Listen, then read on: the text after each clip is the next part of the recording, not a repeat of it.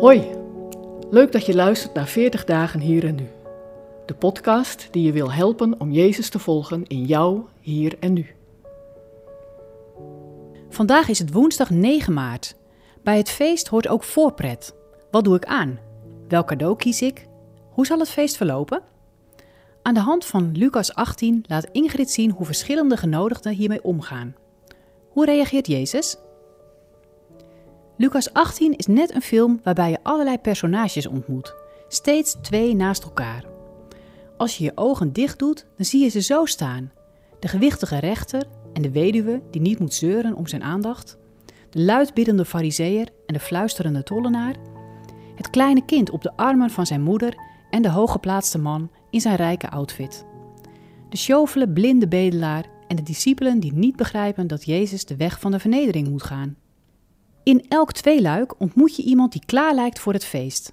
En iemand die maar beter thuis kan blijven, omdat hij of zij de gastheer niks te bieden heeft. In wie herken jij je? Zou iemand vandaag bij jou kunnen aankloppen om je te ontvoeren naar een surprise party? Of moet je echt eerst nog een klus afmaken? Of nieuwe kleren kopen? Is het jou wel eens overkomen dat je met lege handen naar een feest ging? Of krijg je het al benauwd bij het idee daarvan? De rechter uit Lucas 18 is een belangrijk man. Iemand die je graag op je feest wilt hebben.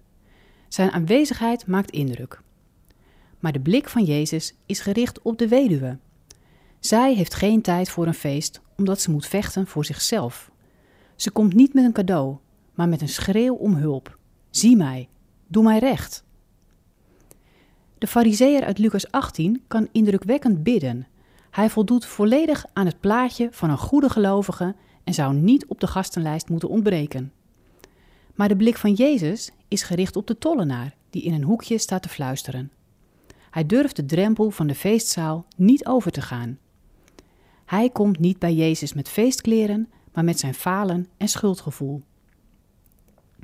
De rijke jongeling, zo wordt hij in de nieuwe Bijbelvertalingen niet meer genoemd, maar rijk is hij. Net als hooggeplaatst en van onbesproken gedrag. Daar kun je mee voor de dag komen op elk feest. Heel wat anders dan die hulpeloze kinderen die door moeders bij Jezus worden gebracht.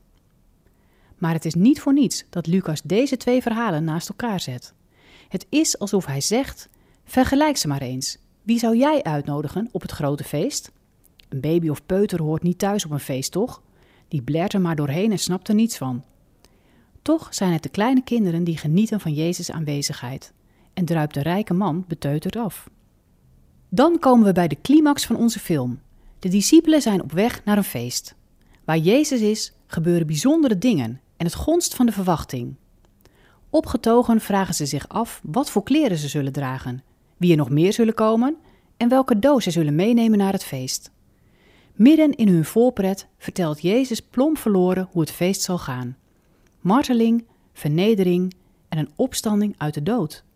Ze begrijpen er niets van. De ontreddering van de discipelen zet Lucas naast de genezing van de blinde bedelaar. Alsof Jezus tegen hen en tegen ons wil zeggen: Kijk eens goed naar deze man en ontdek hoe jij naar mijn feest mag komen, met lege handen, sjovel en kwetsbaar als je bent. Want straks zal ik daar ook met lege handen staan, naakt en kwetsbaar, gebukt onder de last van al jouw falen. Wat een feest zal het zijn als we dat samen achter ons kunnen laten.